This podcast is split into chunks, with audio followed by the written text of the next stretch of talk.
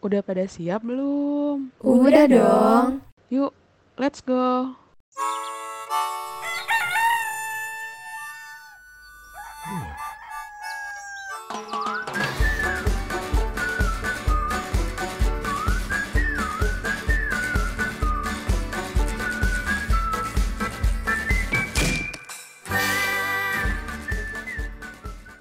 Halo Femkos. Sekarang kamu lagi dengerin iPod. IKK Podcast.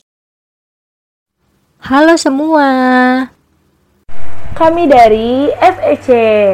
Kenalin, aku Adisa. Aku Anissa Lestari Aku Dini. dan aku Siva.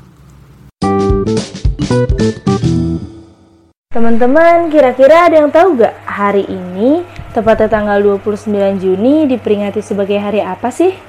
Aku tahu, aku tahu. Pasti peringatan Hari Keluarga Nasional kan? Betul banget tuh, Din. Dalam rangka memperingati Hari Keluarga Nasional, kita punya materi spesial loh. Jadi, kita bakal ngomongin tentang kehidupan keluarga setelah menikah, terutama keluarga yang sedang berencana untuk memiliki anak.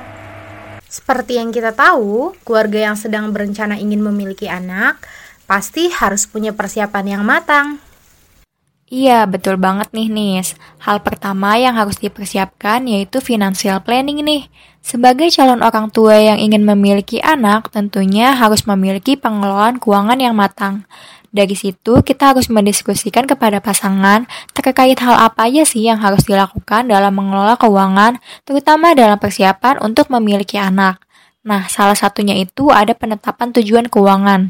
Jika ingin memiliki anak, pasangan harus menentukan target berupa kebutuhan masa kini dan masa depan anak. Target tersebut berupa target jangka pendek, contohnya seperti dana untuk kebutuhan anak dan fasilitas simulasi untuk anak, target jangka menengah seperti dana untuk pendidikan dan kesehatan, dan target jangka panjang seperti dana untuk masa depan anak. Target keuangan anak tersebut lalu dikelola dengan baik sesuai dengan kondisi keuangan keluarga dan kebutuhan rumah tangga lainnya. Setuju banget nih Siva. Selain keuangan, kita juga perlu tahu terkait gaya pengasuhan. Gaya pengasuhan itu penting banget loh untuk didiskusikan dengan pasangan. Karena gaya pengasuhan akan berpengaruh terhadap kepribadian sang anak. Nah, gaya pengasuhan itu sendiri dibagi menjadi tiga. Yang pertama ada gaya pengasuhan autoritatif atau demokrasi. Umumnya, orang tua yang menggunakan gaya pengasuhan ini mempunyai peraturan yang jelas dan lebih menghargai pendapat anak. Sedangkan yang kedua ada gaya pengasuhan authoritarian atau otoriter. Kalau gaya pengasuhan ini, orang tua cenderung lebih mengontrol dan memiliki aturan yang ketat sama anaknya. Dan yang terakhir ada gaya pengasuhan permisif, yaitu di mana orang tua tidak memiliki aturan kepada anaknya dan cenderung mengikuti semua kemauan anaknya. Nah, gaya pengasuhan yang paling disarankan itu adalah gaya pengasuhan autoritatif atau demokrasi, karena akan membentuk anak menjadi lebih mandiri dan kooperatif. Bicara tentang gaya pengasuhan, potensi keluarga dalam pengasuhan anak itu berbeda-beda. Hal tersebut didasarkan pada setting wilayah, status sosial, etnis, dan juga agama. Hal tersebut juga berpengaruh terhadap perkembangan holistik anak. Oleh karena itu, sebagai pasangan yang berencana ingin memiliki anak, perlu mengetahui bahwa peran orang tua begitu penting dalam mengoptimalkan pendidikan holistik untuk anak. Nah, apa sih itu? Jadi, pendidikan holistik itu merupakan pendidikan yang mengembangkan seluruh potensi anak secara harmonis dan seimbang melalui potensi intelektual, emosional, fisik, sosial, etika, dan spiritual. Wah, ternyata banyak juga ya. Tapi ada yang gak kalah pentingnya nih.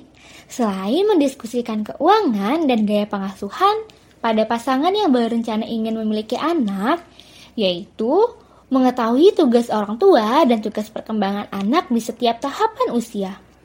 Nah, apa sih itu? Jadi, kan setiap perkembangan anak punya tahap perkembangannya masing-masing. Contohnya itu seperti pada anak batita. Nah, pada masa batita itu, mereka sudah harus belajar berjalan, belajar makan makanan padat, mengontrol organ eliminasi, dan lain-lain. Nah, tugas kita sebagai orang tua yaitu menstimulasi anak agar mereka dapat menjalankan tugas perkembangannya secara optimal. Hal itu dapat dilakukan dengan berbagai media stimulasi. Oke, bicara finansial udah. Bicara tentang gaya pengasuhan dan tugas perkembangan anak juga udah. Ada satu lagi nih yang ketinggalan, yaitu pasangan yang berencana ingin memiliki anak perlu mengetahui pentingnya gizi anak, khususnya pada saat memasuki masa kehamilan. Kita harus tahu nih, nutrisi dan asupan apa aja sih yang harus dipenuhi, seperti memakan makanan yang mengandung karbohidrat, lemak, protein, vitamin, dan mineral. Hal tersebut dapat mencegah anak terkena stunting. Ngomong-ngomong soal stunting, tahun ini BKKBN mengusung stunting sebagai tema pada Hari Keluarga Nasional loh. Pemerintah Indonesia telah menetapkan stunting sebagai isu prioritas nasional.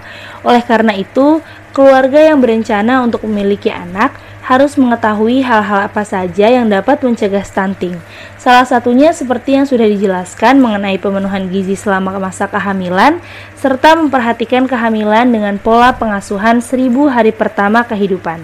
Dengan itu, stunting dapat teratasi. Gimana teman-teman? Pasti udah tahu dong mengenai persiapan-persiapan apa saja sih yang harus dilakukan oleh pasangan yang berencana ingin memiliki anak. Nah, buat teman-teman yang belum menikah, dapat mengaplikasikan ilmu ini di kemudian hari. Wah, pastinya bagus banget ya kalau kita mengetahui hal-hal tersebut sedari dini, karena pasti akan menciptakan sumber daya manusia yang unggul. Oke, karena pembahasan hari ini udah selesai, kami dari FEC pamit undur diri. Semoga bermanfaat. Selamat Hari Keluarga Nasional semua.